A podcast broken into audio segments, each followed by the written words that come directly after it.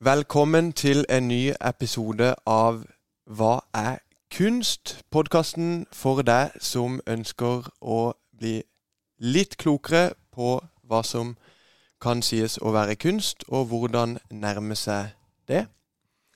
I dag er vi heldige å ha med oss Rikard Klingspor.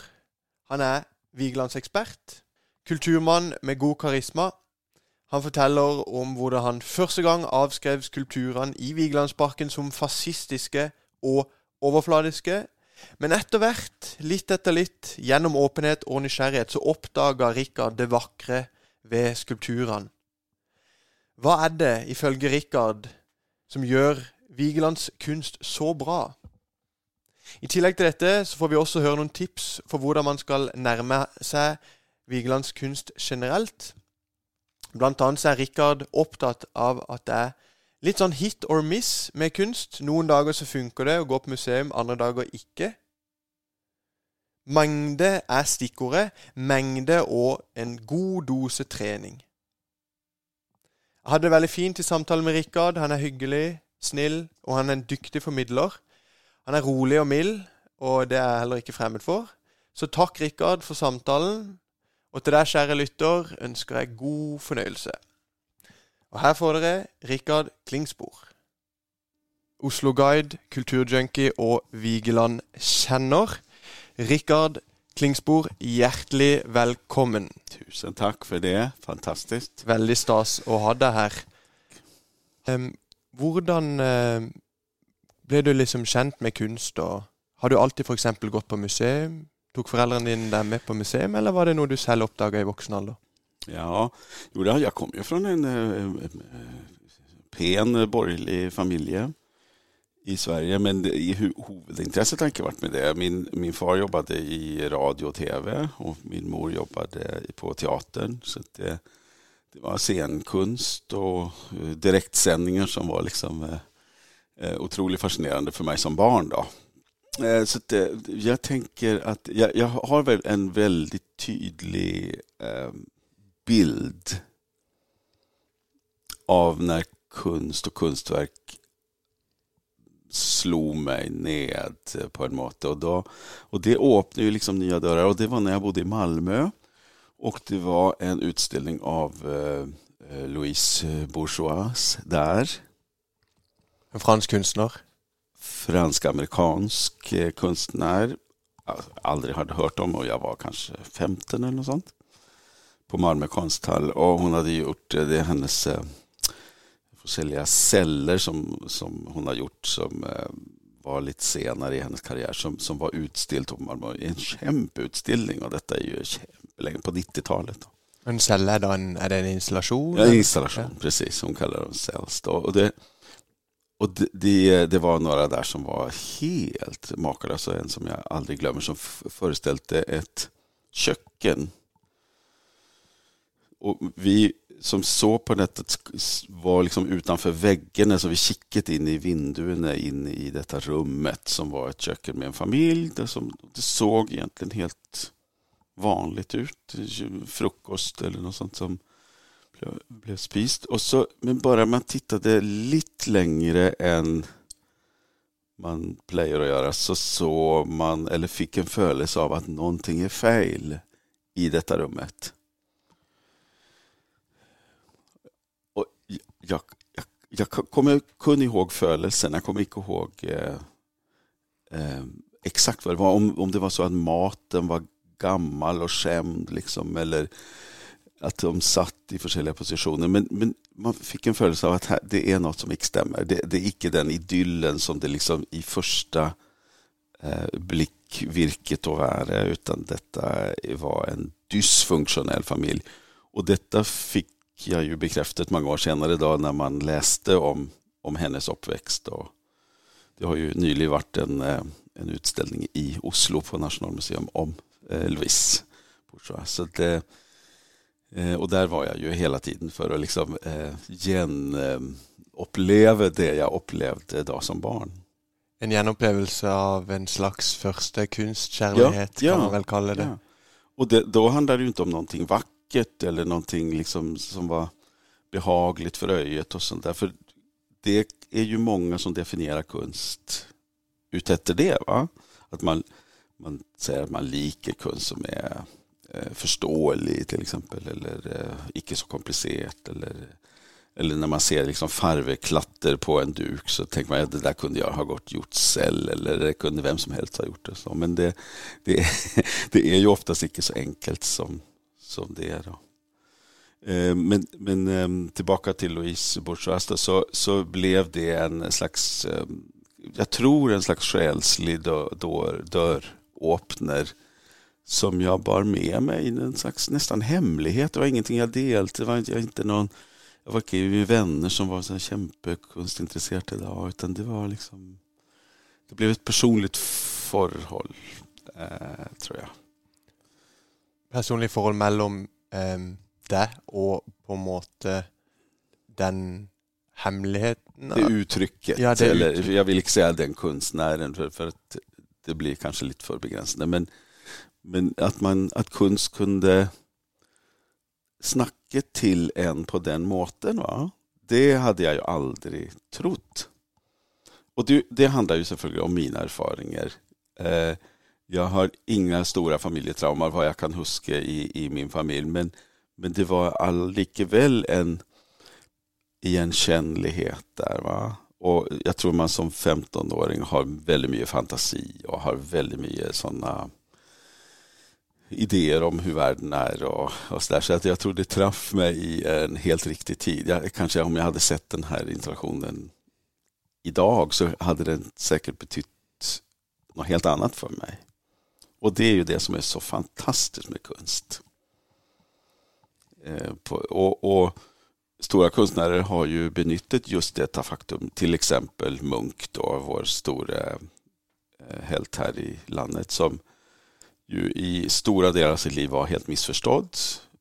Honom kan vi gott komma tillbaka till. Men han gick ju tillbaka till samma motiv om och om och om igen för att checka var han var rent födelsemässigt i förhållande till den händelsen som han tänkte på när han målte den, eh, eh, den, det, det konstverket. Då. Så att, eh, det, och det är ju en del konstnärer som jobbar så och en del gör ju icke det. Men han, för honom var det viktigt. Mm. Och det är lätt att förstå faktiskt. Så att, att, så, så att, även om man som ung till exempel inte förstår eller, eller tar till sig konst på ett sätt eller viss typ av konst så äh, tänker jag att man ska inte ge upp utan man ska liksom äh, utfodra sig själv mm. igen och igen. Mm. För plötsligt så sker det. Är detta möte, om vi ska försöka svara hvis, eller hvis, hvis, du skal forsøke å svare på hva god kunst er for deg, hva kunst er for deg, um, og bruke, kanskje vi kan bruke dette første møtet som et eksempel. Uh, hvordan vil du forsøke å svare på det? er det det at Louise Bourgeois evner å kommunisere noe til deg gjennom uh, dette kjøkkenet, dette tilsynelatende vanlige kjøkkenet? Är det det som gör att det är god kunst? På en måte?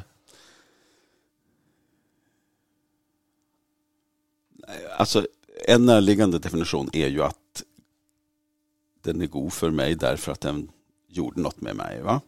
Och den skapade något som jag icke har glömt när jag sitter här då 40 år senare och snackar om det. Så det är ju klart att ehm, det, det, är ju en väldigt tydlig eh, indikator på, eh, eh, jag ska inte säga god konst, men viktig konst för mig. Och det var ju otroligt personligt. Nästa person som stod bredvid mig hade ju en helt annan ehm, uppfattelse. Så kan det ju vara. Um, så eh, jag tror att det, det, bästa vi kan göra det är att gå bort ifrån sådana kriterier vad som är god och, och dålig konst. Det ligger bara i vägen. Och så kan man säga, ja men vad är det som säljer mest på konstaktioner och vad som prises mest och, och sådär. Ja, det kan vara intressant på otroligt många måter. men det ska inte det vara det som är styrande för dig, vad du liker och, och icke liker. Då, då blir det ju bara platt faktiskt och något slags efter... Eh, eh, eh, man, man, man, löper efter de som vet. liksom.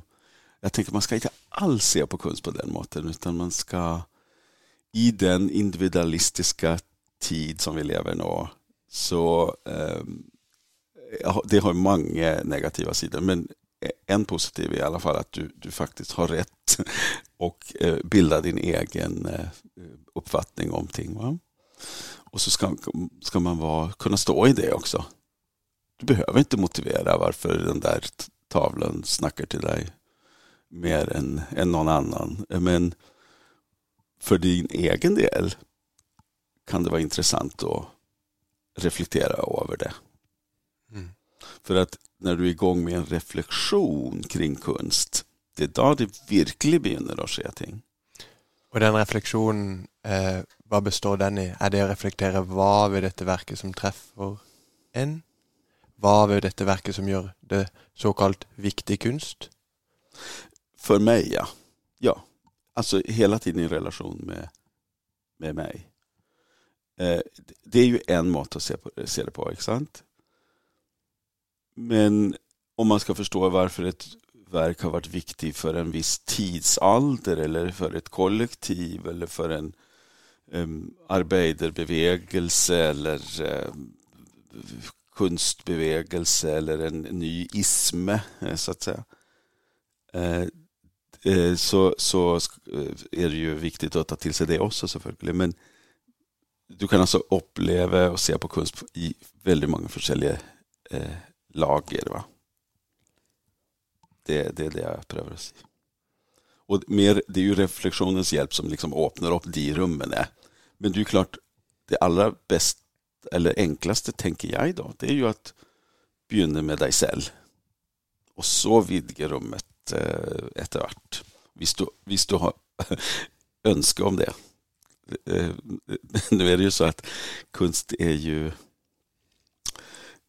du tränger ju inte, du, alltså, eh, jo, du tränger det selvfølgelig, men det, det, icke, det, ingår inte i Maslows liksom, eh, eh, trapp om livsnödvändighet. Men, men den kommer där efterhvert, selvfølgelig. För utan påfyll och konstnärlig inspiration så, så blir vi ju fattigare. Det tror jag. Spännande. Vi eh, Jeg nevnte i innledninga, og du har vært inne på det selv, eh, Vigeland har en eh, spesiell plass i ditt liv, holdt jeg på å si. Hvis jeg spør deg litt sånn uh, eh, personlig, du må gjerne bruke Vigeland eller andre kunstnere som eksempel. Um, ehm, hva, er, det et, er det liksom et mønster i hva du oppfatter som viktig kunst for deg? Er det er det, det, at eh, det har vært viktig historisk? Er det det at det eh, berører deg, inspirerer deg? Eller är det väldigt forskjellig?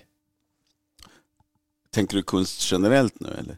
Ser du ett mönster i vad slags konst du syns är bra och dålig? Åh, oh, det är ett kämpebra spörsmål. Det är, nej, det gör jag inte. Nu har jag svarat på det. Eh, alltså, du kanske vill att jag ska utveckla det lite. Eh, det, det är det överraskar mig otroligt mycket och jag är så glad att det fortsatt överraskar mig. För man tänker ju att man som 55-åring är ganska satt att man är ganska färdig, man är ganska liksom klar med vad man syns är bra och syns är dåligt. Och man har liksom en pejling, tror man. Och så plötsligt är det någonting som liksom skakar om hela den där världen. Och det kan vara konst, det kan vara musik, det kan vara andra uttryck. Men jag blir så glad varje gång det sker. För att det visar att jag icke är liksom stök i, fast i en slags eh, uppsummering av mitt eh, min samlade erfarenhet. utan att det är ständigt nya erfarenheter. Då.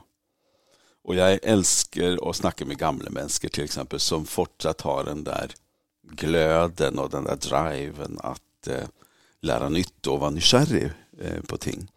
Och jag tror att ett, eh, nykärrighet är en nyckelfaktor när det gäller att ta till sig konst. Alltså, jag har haft så otroligt märkliga upplevelser, både negativa och positiva. Jag hade till exempel sett fram, e- otroligt fram emot att gå på här Guggenheim-museet i, i eh, Venezia. Eh, mycket fotokonst och kunst från 1900-talet.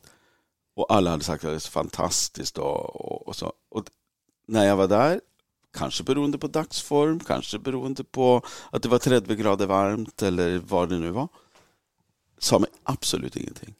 Jag var nästan bara irriterad när jag gick där. Och så eh, huskar jag en, en, en upplevelse för många år sedan i, i Helsingfors på deras moderna museum som heter Kiasma. Som var relativt nyåpnet då. Och, ja, jag var väl nykärlig och säkert var ganska mottaglig. Och det var en konstutställning som hade otroligt väldigt, väldigt mycket humor i sig. Alltså modern konst, mycket installationer och mycket skulptur. Men humor på ett sätt som är ganska ovanligt i den moderna konstvärlden idag. Där man tar varandra och sig själv på otroligt högt allvar. Va? Det är så väldigt självhögtidligt eh, ibland och det kan jag förstå gör att man eh, rygger väck ifrån en värld som man liksom icke förstår. Den är så introvert. Och, men, men den här utställningen var då helt, det helt motsatta och gjorde att man gick omkring där och log och, och eh, ja, det var väldigt själv, icke självhögtidlig och, och väldigt avväpnande, visst du känner. Um, och det var ju också helt oväntat. Så, så det bästa är gå på så många konstutställningar som möjligt. Eh, eh, ja, eh, speciellt om du inte har planlagt det. Och hitta de där spräcken mellan eh, eh, det där som man tror man vet och det som är okänt. Då har i alla fall jag haft de bästa upplevelserna. Tänk att komma in på Kunsthaus Zürich i ett stort rum och bara se munkmalerier. Utan att ha visst det. Att Munk hänger där. Det var, alltså, jag blev nästan slått till, till golvet. När det visade sig att en av de största utländska munksamlingarna är i Zürich. Eh, därför att han var god vän med intendanten där och så vidare. Det är väldigt mycket porträtt och helporträtt och så vidare. Men, och man får se en helt annan sida av Munk än man får göra här i, i Munkmuseet eller på Nationalmuseum. Så det, det var också en sån där wow-upplevelse. Och jag ser fram emot att hitta ett sånt rum med Vigelands skulpturer eh, ett sted. Spännande. Så med en åpen, förhoppning. att oppsummere litt sånn, med en åpen och nysgjerrig eh, inställning så kan man låta la seg rive med och Eh, och hvis man har en eh, Ja, hvis man är öppen så kan man väl också lättare acceptera de gånger när konsten inte beväger en, sånn som där du var på Guggenheim. Och... Ja, och jag tänker, men, men, men jag vill verkligen poängtera att de ska vi säga, dåliga upplevelserna som jag haft är lika viktiga för mig. Visst du skönner? Det är alltså, det eh, är också en erfaring. av, eh, av, av eh, något intryck. Och det, lite sån var det, om vi nu ska gå in på Vigeland, och lite sån var det med Vigeland. Alltså den där parken provocerade mig första gången jag var där. Jag, jag förstod det inte på någon som helst mått. Jag syns det var eh, fascistoid eh, eh konst. Vad vill han? Eh, är detta bara en slags eh, eh utställning av eh, det starka, vällyckade vilket är eh, eh, övermänskligt. Va? Jag syns det var förfärligt faktiskt. Och så begynte jag att eh, reflektera över det jag hade sett, men icke minst min reaktion på parken. Vad, i, vad, vad var det som väckte de där väldigt negativa følelsene. For litt kontekst, hvor eh, er vi liksom i livet nå? Er det lenge siden du opplevde det? For i dag så er det jo, som jeg har nevnt, eh, en person som kjenner Vigelands kunstnerskap veldig godt. Og en, du er jo veldig glad i han som kunstner og kunsten. Eh, hvor, eh, for kontekst, når var det du oppdaga Vigeland for første gang? Ja, det var när jag hade flyttat hit eh, 2002. Eh, eh, så det, det, jag har aldrig, tror jag aldrig, aldrig varit i Norge för det. Så det var, det var då. Så det är ju relativt nyligen. men, och så, men sen hade jag ingen chans att liksom utforska det vidare. Men jag huskar så gott den där initiala födelsen. Då. Det är spännande. Ja, det är det. För att det väcket ju någonting eh, hos mig. Då. Ja. En eh, veck, altså Du ble jo provosert, og så Det var vel litt sånn Ja, du snakker om noe som kan ligne på litt sånn fascistisk kunst. Mm. Em, men så gjorde du deg en refleksjon. Hva, hva var den? Den var, jag måste veta mer. Det kan inte bara vara det jag ser. Eller är det det så vill jag finna ut det. Eh, för att det är ju speciellt bron då som kanske som provocerar mest. Med de där. Och, men sen har ju fontänen ett helt annat uttryck och, och eh, eh, eh, monoliten har och, och de stenfigurerna runt omkring har i sin tur ett, ett annat intryck igen. Va? Så, att, så det var ju inte en entydig bild jag fick av parken utan det skapade mer spörsmål. Och det är det jag tror är viktigt att också när konst väcker motstånd i dig, att icke vara alltför rask och stänga den dörren och säga att nej, det där liker jag icke, eller det är icke något för mig, utan kanske heller stå i det lite grann och se vad är det? För att den reflektionen tror jag, i alla fall om du har en, en, ett önske om att växa som människa eller eh, eh, ja, vara nykärrig eller vit, eh, vad heter det, vit... eh, lære? Lära vite mer. begjær. Ja. Ja. Vitebegärlig, heter det? Ja. Då, då är det eh, ett utomordentligt gott sted att begynna på. Alltså när konst väcker motstånd, vad är det? Det er veldig spennende, fordi jeg har eh, Når jeg har lest det eh, i ja, kunstbøker og sånn, eller bøker om kunst, så er dette en ting som går igjen mye. Ja.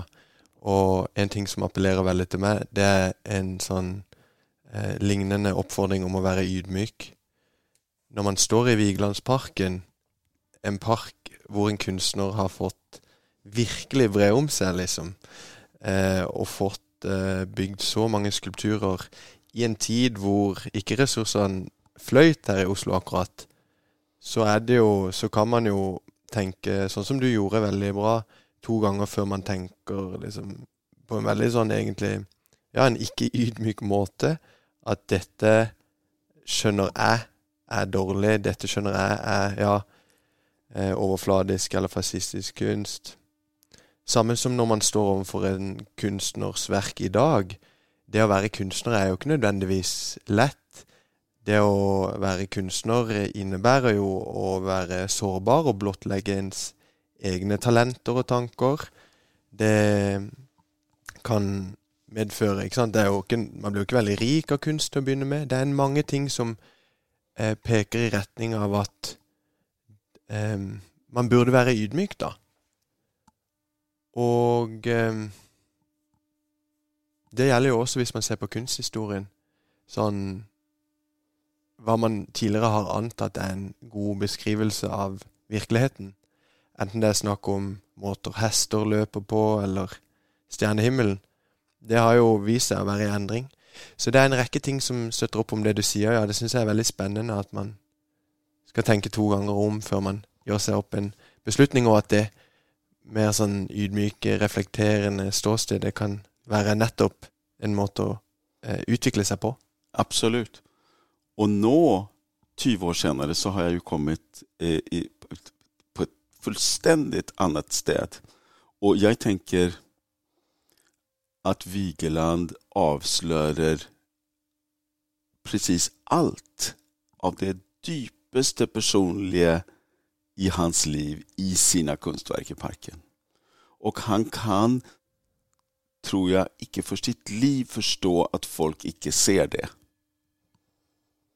att det är så personligt som, som det faktiskt är för ham. Och det är därför han aldrig kommenterar sin konst i, i sin levetid. Så får folk väldigt, om icke någon eh, förklaring till vad det är eh, man ser. Och, och det, eh, där var han ju, han var ju en komplicerad person, men där var han väldigt generös. Han, han sa faktiskt att det är icke jag som ska definiera vad det är du ser på, utan du, det är du upp till dig och, och, och, och definiera det utifrån dina erfarenheter. Och det är ju otroligt klokt och reflekterat, men jag tror också att det är en baktanke. Han vill icke. Eh, därför att han, han tror jag, tror jag, det är min tolkning, följer att han har berättat ut allt för mycket personligt i, i detta och så är han säkert glad om folk eh, eh, ser igenkänning i sitt eget liv i det. Men jag tror att han följer sig väldigt exponerat samtidigt. Och det är ju en fantastisk paradox egentligen. Att eh, en, en sån privat och inneslutet människa klarar och exponera det som är väldigt personligt. Han är ju en expert på att beskriva relo, ras, nej, relationalism, alltså att, att för, hur folk interagerar både bra och dåligt. Det klarar han att beskriva på ett eh, fantastiskt mått. Ja, så det, det, är, eh, det, det, har varit en lång och otroligt spännande och intressant resa. Jag har eh, transkriberat hans liv, jag har funnit ut Eh, ting om eh, hans eh, käraste som han hade i Berlin och Firenze som väldigt få konsthistoriker har intresserat sig för. En finsk konstnärinna som heter Elin Danielsson. Och jag har transkriberat alla hans brev till henne så att jag liksom kom närmare.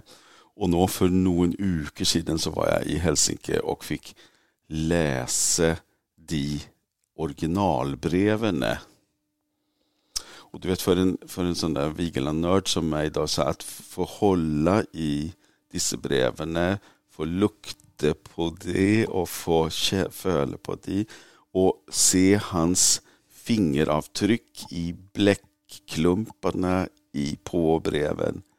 Det var helt eh, sagolikt alltså. Det var helt fantastiskt. Jag, det var nästan, jag satt där i forskningsbiblioteket och nästan begynte att gråta alltså för att det var så starkt. För det är ju en kommunikation som vi bara kan drömma om idag när vi sitter och knappar på våra maskiner. Eh, här är det mänskliga födelser i kött och blod nedtecknat på papper som finns förhoppningsvis för alltid. Då. Den typen av minnen av våra kommunikationer tillsvarande finns ju inte dessverre. Men Ja, och det är ju stort. Men mye av det handlar väl också om att det är Vigeland, ikke sant? En ting är denne kommunikationsformen, men det är väl också vissheten om att detta är Vigeland som har Detta är Vigeland ja, sitt fingeravtryck liksom. Ja, för mig menar du ja. Jo då, absolut. Men jag, jag, jag bara pratar om brev generellt då, att det är en otroligt eh, flott eh, gave till oss då som vill eh, forska kring historia. Det ser jag.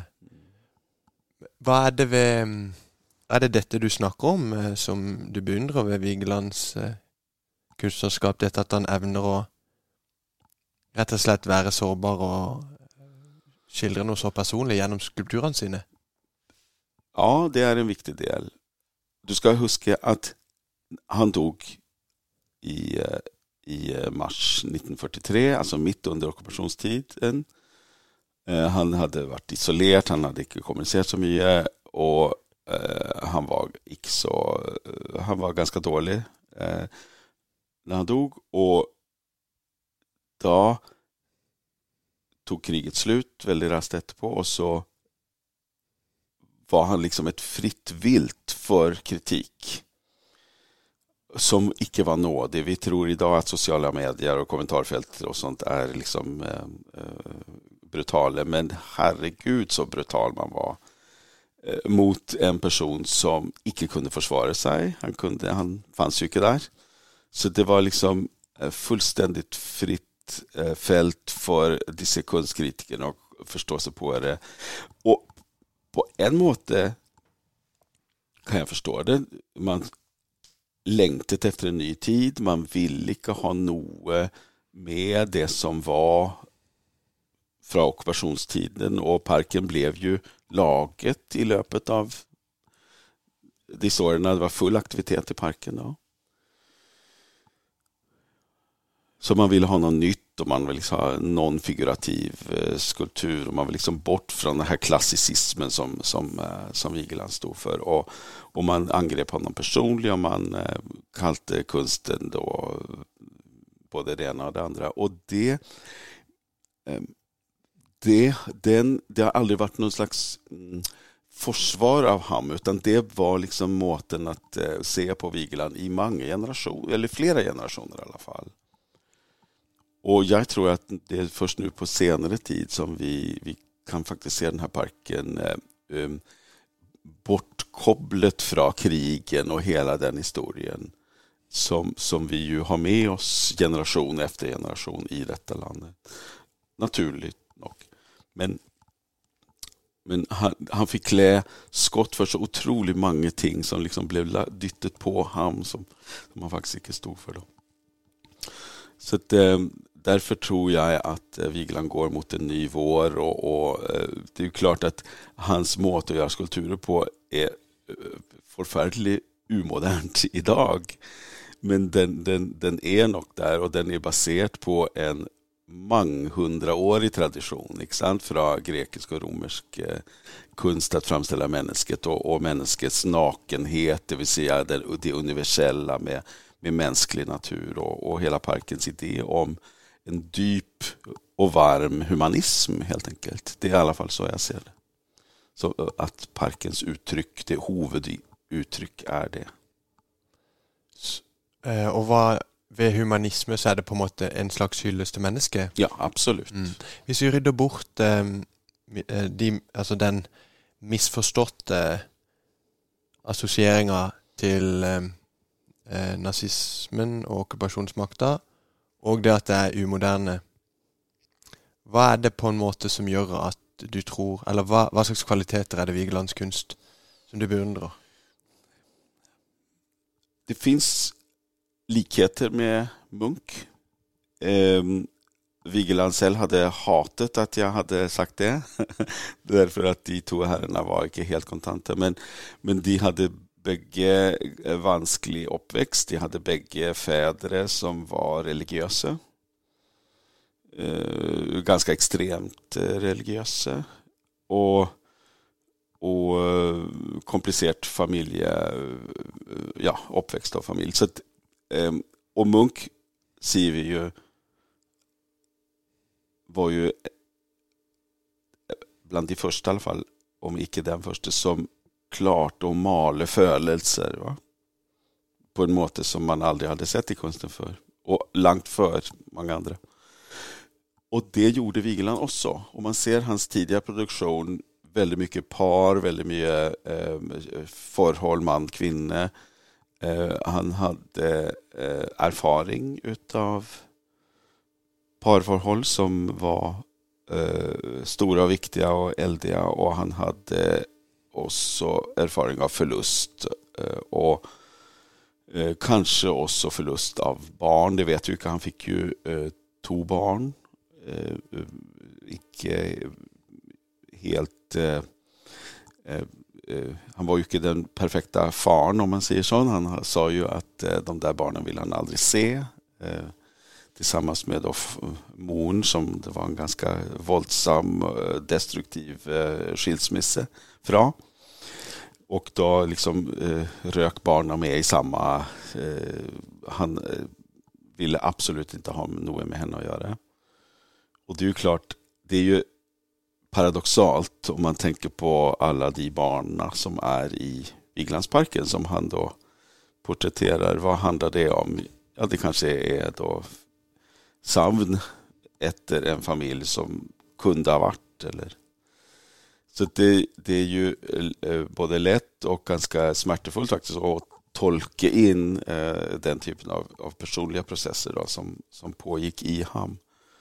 Han hade inga problem att umgås med andras barn, till exempel alla hans samboer som, var, som hade då nieser och allt möjligt. De fick värme de på sommaruppehåll i, i, på Sörlandet där han hade sommarhus och så vidare. Så det, det, det var inte någon barn eh, generellt han hade något emot, men eh, icke sina egna och det är ju ytterst intressant. Alltså.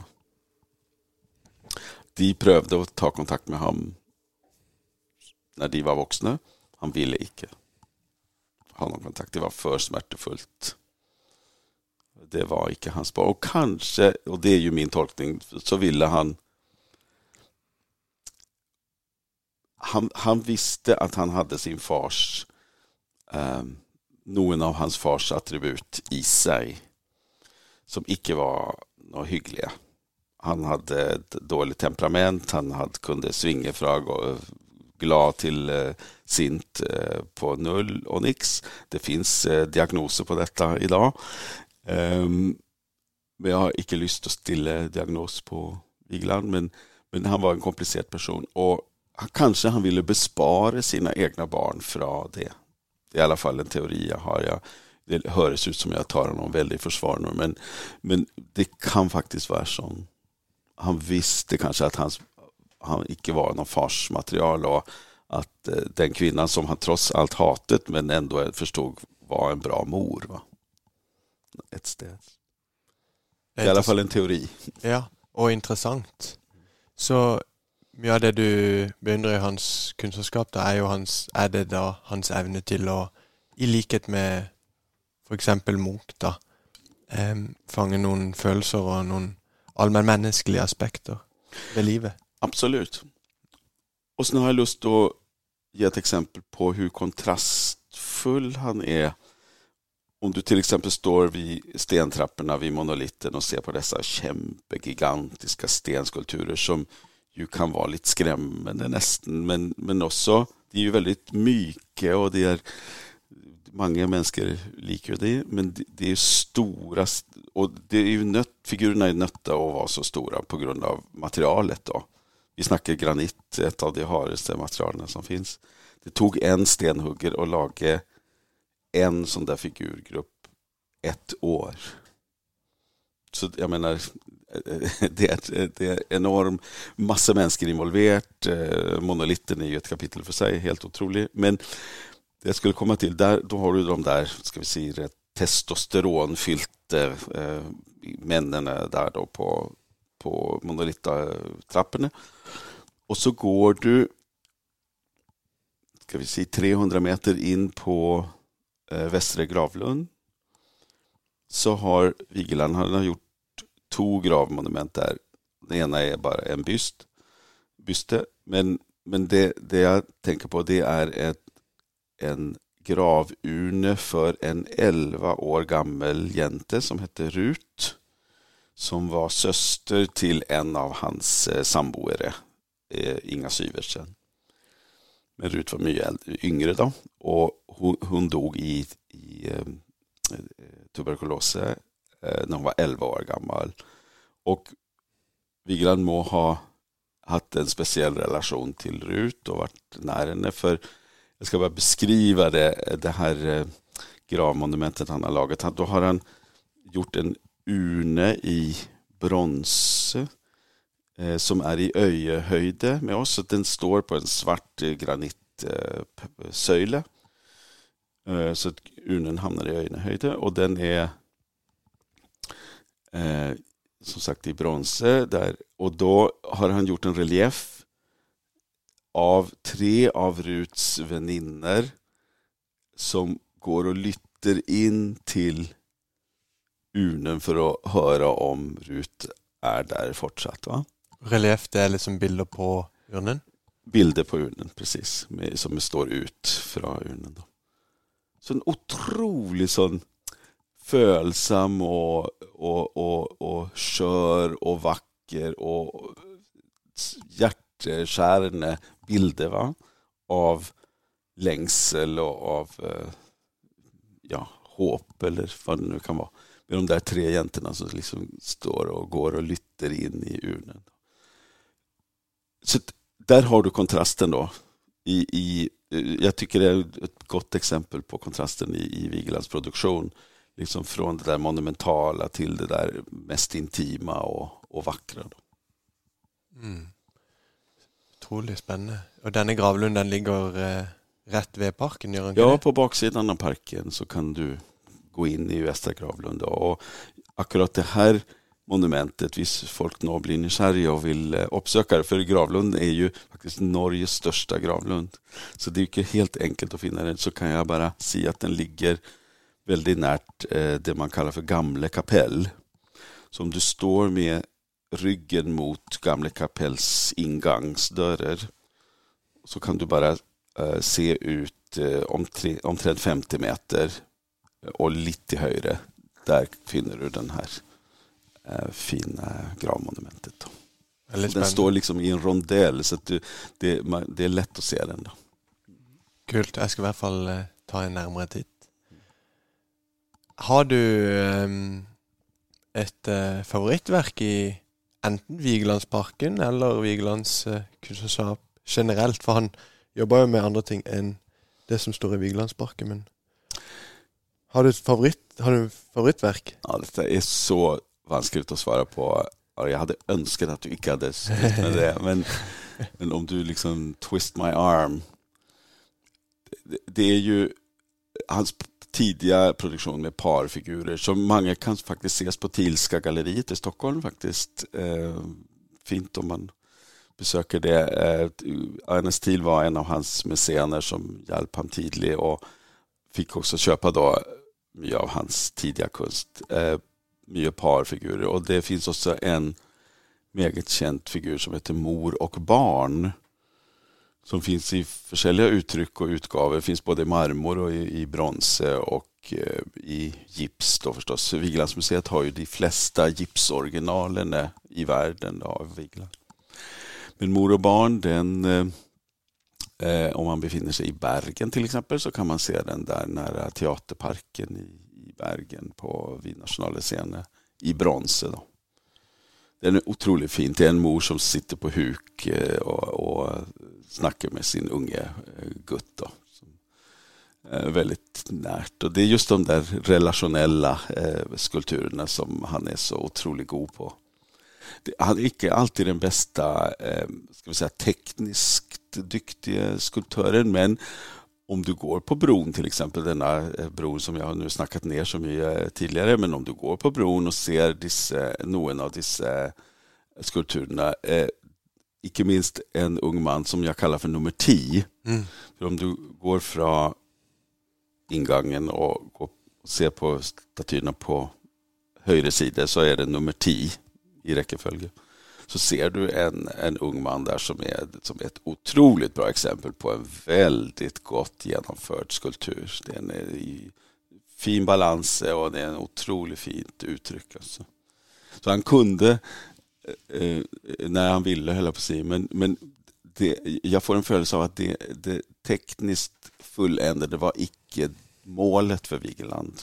Utan målet var att uttrycka födelser, precis som Munk då, som vi snackat om tidigare. Mm, som också väl har ett rykte på sig för att inte vara den bästa tekniska målaren. Exakt. Han, Munk kunde ju aldrig eh, mala händer till exempel. Det fick han ju alltid kritik för. Men eh, det var liksom inte det viktigaste. Nej. Och där igen är ju ydmykheten kanske ett viktigt stickord. Att man hellre än vurderar dessa händerna eller Hvis man är i stand till det, jag ska inte skryta på mig att jag klarar att skille en god teknisk lagd skulptur og en ikke god teknisk lagd skulptur. Men hvis man da skulle få øye på noen unøyaktigheter, så er det kanskje ikke det som er det eh, kunstneren har forsøkt på. Mm. Men du vet, man kan säga att i sån här klassisk kultur då, som han höll på med så ska det ju för så vitt vara anatomiskt riktigt. Det är ju en av grundpelarna. Men det handlar också om hans dynamiska skulpturer till exempel. Att, det, att man ser tyngdpunkter och man ser eh, i, i bilderkonst snackar man ju ofta om krysslinjer och sånt där i, i kunsthistoriskt. Och, och, och man ser eh, hur en skulptur är i balans, eller en skulpturgrupp till exempel, vilken balans den har. Det är en bra utgångspunkt för att se om det är en bra konst. Eller, liksom, är, det, är det muligt? Är det liksom... Eh, eh och, och, och många av hans broskulpturer visar ju på, de är 58 stycken och 16 av dem är dynamiska som vi kallar så Det är fart och, och fläkt och, och, bevägelse i det. Och det, att måten och tegne bevägelse i någonting som står helt still. Alltså det är eh, fast materia trots allt. Men att skapa bevägelse, det är ju vanskligt och det är eh, ett bevis på bra konst. Då. Du ser hår som fladdrar och du ser liksom eh, en grupp som nästan tippar över i, i en slags ubalanser. Då. Det är väldigt bra gjort helt enkelt. Mm. Han blir ju kritiserad för att liksom massproducera och repetera sig själv på, på bron just, men det är icke helt sant faktiskt. Eh, ja, noen är lik varandra, helt riktigt det, men eh, Eh, det är stor variation på bron. Jag tror att han var mest upptatt av att bli färdig och kanske eh, eh, icke blev så nöje. Men jag tror också det är ett element om att, för, att han ville förenkla och, och, det fick han ju en våldsam kritik för, icke minst efter krigen. Men jag tror att det är allt för enkelt. Jag menar, en konstnär måste ju ha lov till att förändra sina ideal eller måten och han vill jobba på. Utforska sig. Tänk på Picasso med alla hans perioder. Skulle han bli kritiserad för det? Nej. Så eh, ja, för kritiken gick på att han var för den att, det, att han var för repetitiv och att det var för uh, ufärdigt. Eller, man, enkelt kan man säga att de blev liksom fetare och fetare, mm. Både damerna och herrarna. Uh, och att uh, kritikerna såg på det som slurv helt enkelt. Eller slags, ja, att de inte la ner så mycket tid och, och, och kärlighet på dessa. Men du tolkar det mer som ett ulikt eh, Alltså att han ändrar lite sån... Ideal. Ja, sant. Ja, jag tänker att i alla fall man måste ha rätt att tänka i de banorna, tänker jag. Um, väldigt spännande. Denna mor-barn-skulpturen. Mm. Jag vet inte om du sa det, men kunde eventuellt gjentatt det. Vad är det ved den som Er det, er det, Hvis det er det helt det er mulig å sette ord på? For det kan jo også bare være Litt sånn som vi snakka om innledningsvis med dette Louise Bourgeois-verket. Det kan jo også bare være en følelse, en fornemmelse. Absolutt. Men hva er det, hva er det i mor-barn-skulpturen til Vigeland som gjør at den er blant dine favoritter? Ja Bra spörsmål igen. men jag tror att han har hittat en eh, en närhet då mellan mor och barn som är otroligt fin helt enkelt. Det, det, det, är, ett, det är ett eh, vardags eh, vardagssituation. Du kan se det idag på gatan. Jag menar en mor som sätter sig ner på huk och, och liksom för att vara i öjehöjden med sitt barn som kanske behöver tröstas eller, eller snackas till eller vad det nu är. Eh, så det är, en, det är en, liksom en öjeblicksbild som är frosset nu i marmor eller i, i brons som det finns i bägge versionerna som, som jag bara syns är otroligt fin. Jag, jag kan inte jag, och vill inte liksom överanalysera eh, den utan det, det, det, är den där eh, connection mellan dem som är, som är otroligt fint. Och det, det är ju som sagt eh, nästan umänskligt av dig att begära att jag ska välja en. Men eh, det får nog bli den i så fall. Det är jag förnöjd med. Är det... Men det finns många fler. Ja. Och det är bara att gå på Vigelandsmuseet och uh, se din egen favorit. Uh, det står ju en, jag vet inte om alla är bevisst om det, men på vår frälses gravlund här i Oslo så står det ju en vit ängel i marmor som Gustav Vigeland har lagat. En manlig ängel och det är hans enaste ängel. Han skrev själv att jag är mycket bättre på jävlar, skrev han. Och då tänker han på de eh, gotiska figurerna han gjorde på Nidarosdomen tidigt i sin karriär. Men här står då en manlig ängel som har blivit konserverat och eh, vasket eh, bara för någon, eller något år sedan. Den står i otroligt vit och fin marmorprakt där. Också väldigt fin med vingarna om sig och i djup sorg över då det, den som hade dött. Det är ett gravmonument som blev bestilt från en familj som heter Fabritius.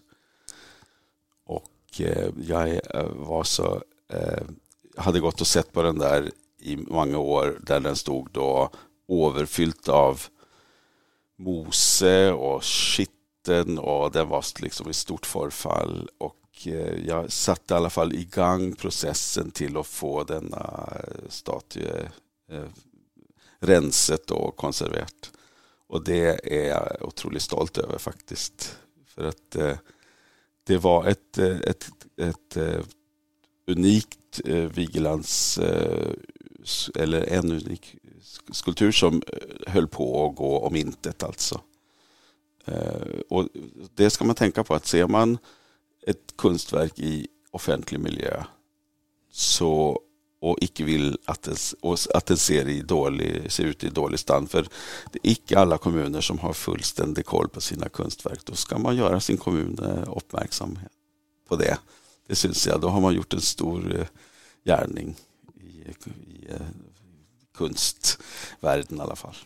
Och om icke man, hållt på att säga, tar sig bryet eller eh, av en eller annan grund icke gör det, så får man i alla fall tacka de som gör det, så det, du förtjänar en tack för det. Jag ska i alla fall få med mig den skulpturen, den ser speciell ut. Vanlig ängel. Ja, den är det. det, det där är också en väldigt otroligt fint uttryck som han har fanget. Då. Och de här, den här fjärdräkten som liksom beskytter ängeln i hans sorg. Då. Eh, det är eh, ett starkt, eh, starkt uttryck helt enkelt och en fin skulptur. Väldigt kul. Jag husker du jag mötte dig på Nationalmuseet en gång och då sa du att ehm, det var en uting att man uppgav navnet på de som hade utfört själva skulpturen, stämmer inte det? Alltså Vigeland lager, som andre skulptører, lager vel en modell. Eh, gjerne vel i mindre versjon, ser jeg for meg. Eh, og så er det noen andre som hugger skulpturen ut og utføre det rent tekniske arbeidet. Eh, korriger meg gjerne. Eh, det skal jeg straks gjøre. Ja, eh, hvor, eh, nummer én Syns du det er rart at jeg, og jeg innbiller meg også andre, stusser litt over at man At ikke de gjør det selv? Jeg så alltid for meg at de gjorde det selv. I hvert fall inntil ganske nylig. Og eh, nummer to, hvorfor eh, mener du at man ikke burde mm, holdt jeg på å si oppgi hvem som har utført det tekniske arbeidet? Ja, nu tryckte du på en knapp. det är väldigt bra. Det är för att det här är Eh, en bra, eh, en bra spörsmål igen och, och det är komplicerat, eh, icke, men det är också ganska enkelt. På Nationalmuseum har man helt enkelt gjort ett fel. Man har skrivit stöperens namn för konstnärens namn och det det kan man inte göra. Eh, ja, det, är, det finns exempel i kunsthistorien också hos Rodin där, där stöparens namn eh, nämnes. Och det, jag har icke något emot det. Det går helt fint, men det kan inte stå före Gustav Vigelands namn. Det blir ju fullständigt fel. Va? Han, han hette uh, näst, något Prybusevski eller något liknande. Och, och, det är ju inte ens då i alfabetisk ordning, så det, det finns ingen grund till det. Och det, det, jag har prövat att påtala det för Nationalmuseum, men det går inte så raskt eh, där. Men det gjordes ju en artikel för några år sedan om eh, stenhuggarna till monolitten.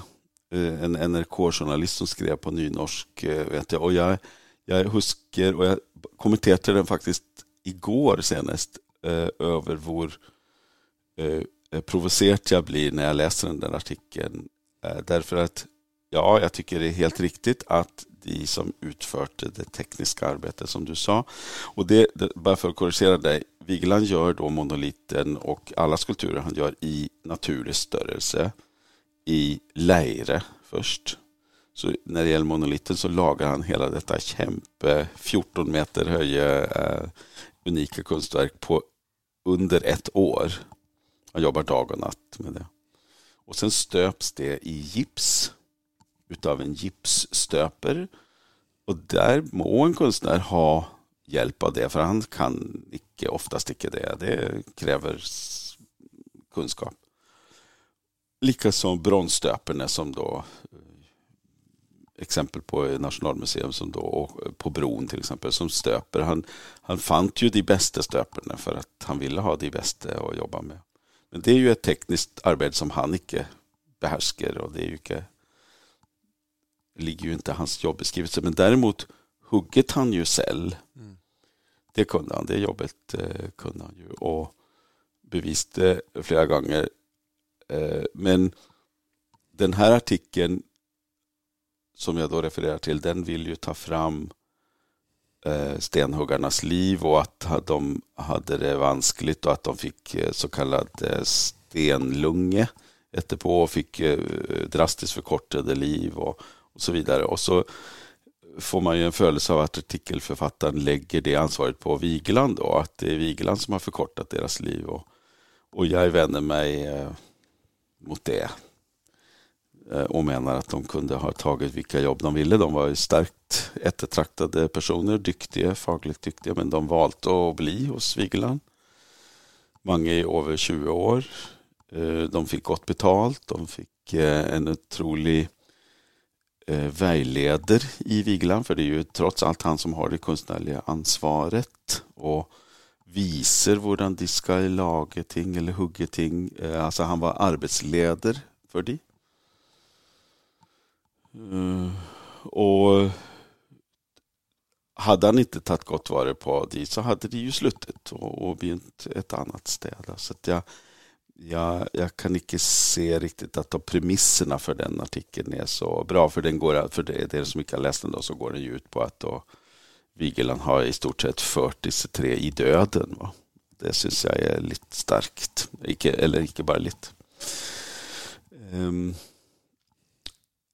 men om vi ser generellt genom konsthistorien så, så är det ju icke vanligt att medhjälpen hos en konstnär, som, en skulptör till exempel, som ju faktiskt tränger medhjälpare. Va? Han tränger någon som lägger på, han tränger någon som gör metallskelettet eh, i en, den lerfiguren som han ska laga. En, alltså en smed till exempel. Han tränger då eh, medhjälpare som lägger på lejre på det här metallskelettet. Eh, han utför arbetet, så tränger han någon som då stöper i gips. Och sen tränger han då, som jag sa tidigare, antingen en bronsstöpare eller en, en stenhuggare att utföra det. Och vad gäller eh, monolitten och stenfigurerna i parken, där handlar det ju om tid helt enkelt. Mm. Han hade inte tid att Eh, huggade säl utan han var nöjd till att, att bruka andra stenhuggare. Då. Och han var otroligt nöjd med att välja duktiga hantverkare och icke andra konstnärer. Alltså som en slags eh, vad ska vi säga, eh, lärlingsprocess eh, för unga konstnärer. Det vill han absolut inte ha något av. Han ville ha Eh, han ville vara the boss, och, men han ville ha otroligt skickliga eh, hantverkare att utföra jobben. Så det är inte någon risiko, alltså Vigeland hade full kontroll över monolitten ja. och dessa andra skulpturens uttryck ja. och eh, eventuella tekniska ojämnheter, mm. de är en och alene Vigelands ansvar. Ja. ja. Och eventuella skryt og sånn rettes mot, mot han. Da, da, forstår jeg litt bedre. Det bare hørtes litt sånn Det høres litt sånn dramatisk ut når man sier billedhugger, fordi da ser jeg for meg liksom at ja, de kan eh, tilføre verket ting. Eh, ja. Men da forstår jeg, forstår jeg det bedre. Billedhugger och skulptör är likestilt. Uh -huh. Medan stenhugger yes. är ett hantverksbegrepp. Ja, ja, ikke sant. Nettopp, ja. Så Vigeland er billedhuggeren. Mm. Mm. Vi kan ikke Vi må nærme oss en avslutning her, selv om det er veldig spennende, men um, Vi har jo akkurat begynt. Ikke sant? um, men vi, vi eh, er i hvert fall veld, har veldig lyst til å høre det du hinta litt til i stad. Hvorfor Emanuel Vigeland ikke lever opp til sin brors storhet. For, det, hade du inte glömt, nej. nei, for ehm, det er jo litt interessant, da. Uten at jeg kjenner særlig godt til de verken egentlig Vigeland eller egen, äh, verken Gustav eller Emanuel sine kunstnerskap, så vet jeg jo at eh, Emanuel har en viss eh, Hva skal man si anerkjennelse også. Absolut. Och eh, jag sa det väl lite flejpigt, men eh, Emanuel eh, eh, han såg upp till sin storebror mycket och de var otroligt närt som barn. Gustav har gjort en fantastisk eh, byste eller hode av Emanuel som finns att se på Vigelandsmuseet och original i gips där. Ehm, men så skedde det ett brudd. Vigeland, alla bröderna Vigeland, de var fem bröder.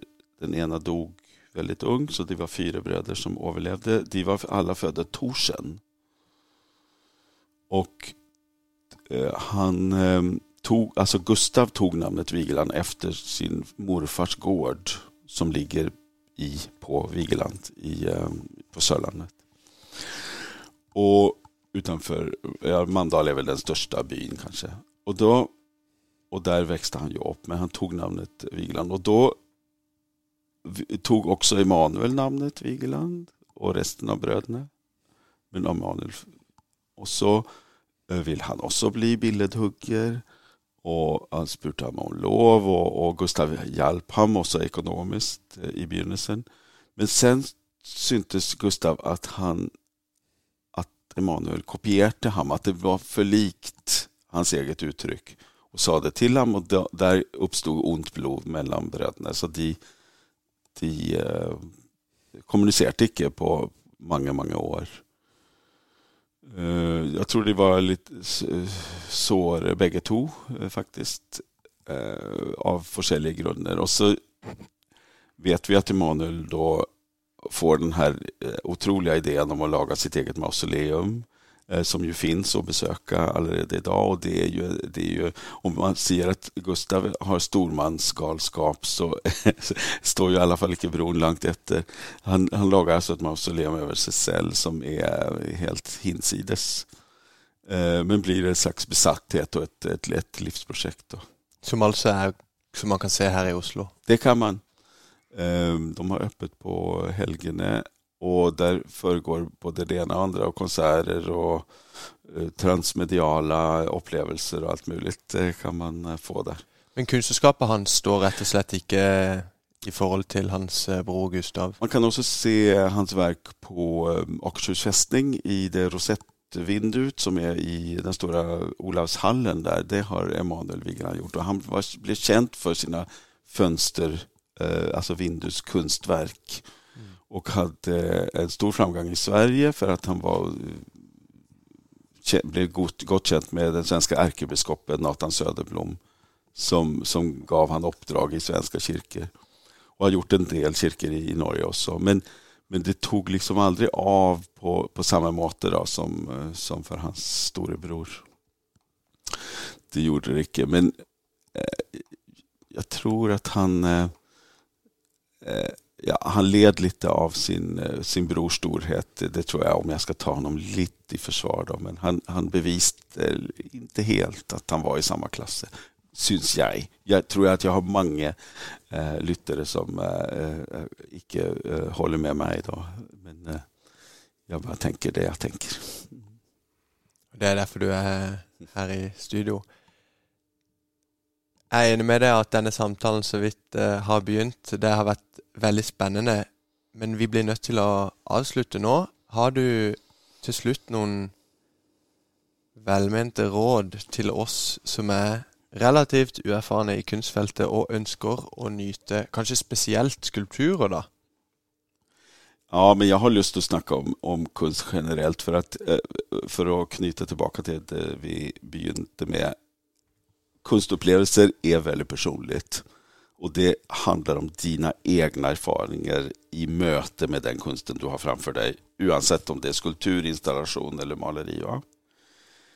När det är sagt, och jag beskrev de upplevelserna jag haft och, och jag önskar var och en att få, få detsamma och husk på att de negativa upplevelserna är lika viktigt om man vill gå en slags eh, förståelsesresa. Då.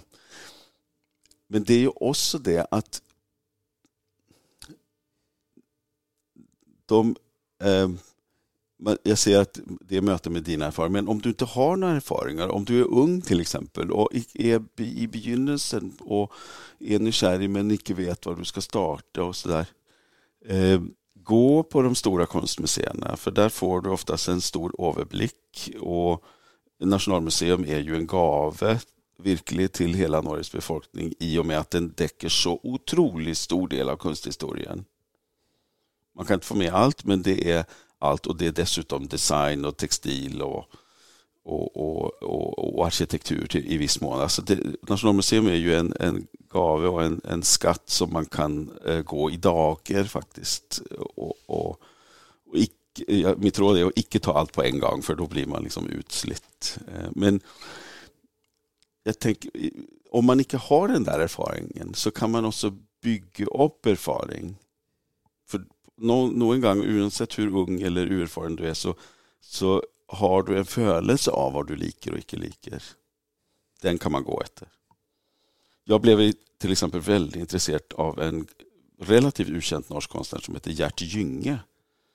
Som väldigt få, liten produktion, eh, Eh, helt eh, liksom bortglömt förutom i Stenersen stiftelsens eh, eh, samlingar då som, eh, som jag såg en tavlbild eh, av honom för första gången. Jag kan inte förklara vad det är, men det är något med färgerna, något med hur han utnyttjar duken och, och motivet säkert som, som talte till mig. Då. Ja, han är inte känd, han kommer inte att sälja något dyrt på någon konstauktion, kanske. Um, och ingen snackar om honom. Men för mig är han viktig då. Så jag menar, eh, det tänker jag är vägen att gå. Eh, gör det. Gör din konstupplevelse personlig. Och sen, husk, vi har snackat om en otroligt liten del av konsthistorien idag. Det finns så många konstnärliga uttryck och så många spännande och intelligenta konstnärer där ute i världen. Och kunst oavsett var du befinner dig i världen, så finns det alltid ett konstmuseum. Eh, kanske inte i de djupaste djunglerna och så vidare, men i alla fall i, i de civiliserade delarna av världen. Utforsk de. Eh, se något som icke är hemmavant och som du i de vanliga fotspåren. Vidga dina vyer. Det tänker jag är konstens både stora möjlighet och viktigaste uppgave vidgevyene. Vidgevyene. Rikard Klingsbord, tusen takk for at du kom til studio og for denne samtalen. Selv takk. Det var veldig hyggelig å være her. Takk til deg som lytter. Jeg håper du satt igjen med like mye som jeg gjorde etter den hyggelige praten med Rikard Klingsbord, som mana oss til å være nysgjerrige. Jeg likte spesielt godt når han fortalte om disse eldre menneskene som på tross av tid hadde beholdt gløden og åpenheten i møte med kunst. Det syns jeg var inspirerende. Og så kjærligheten til Vigeland den følte jeg også kom gjennom samtalen. Kanskje først og fremst i det han delte med om liksom, kunnskapen, all den kunnskapen han hadde om, om kunstneren Vigeland. Vi fikk også en hyllest til brevmediet. Han syns jo når han skulle definere kunst, så, så snakka han om at god kunst er noe høyst personlig. Takk igjen til Rikard, og takk til deg som lytta. Følg oss på Facebook. Hva er kunst?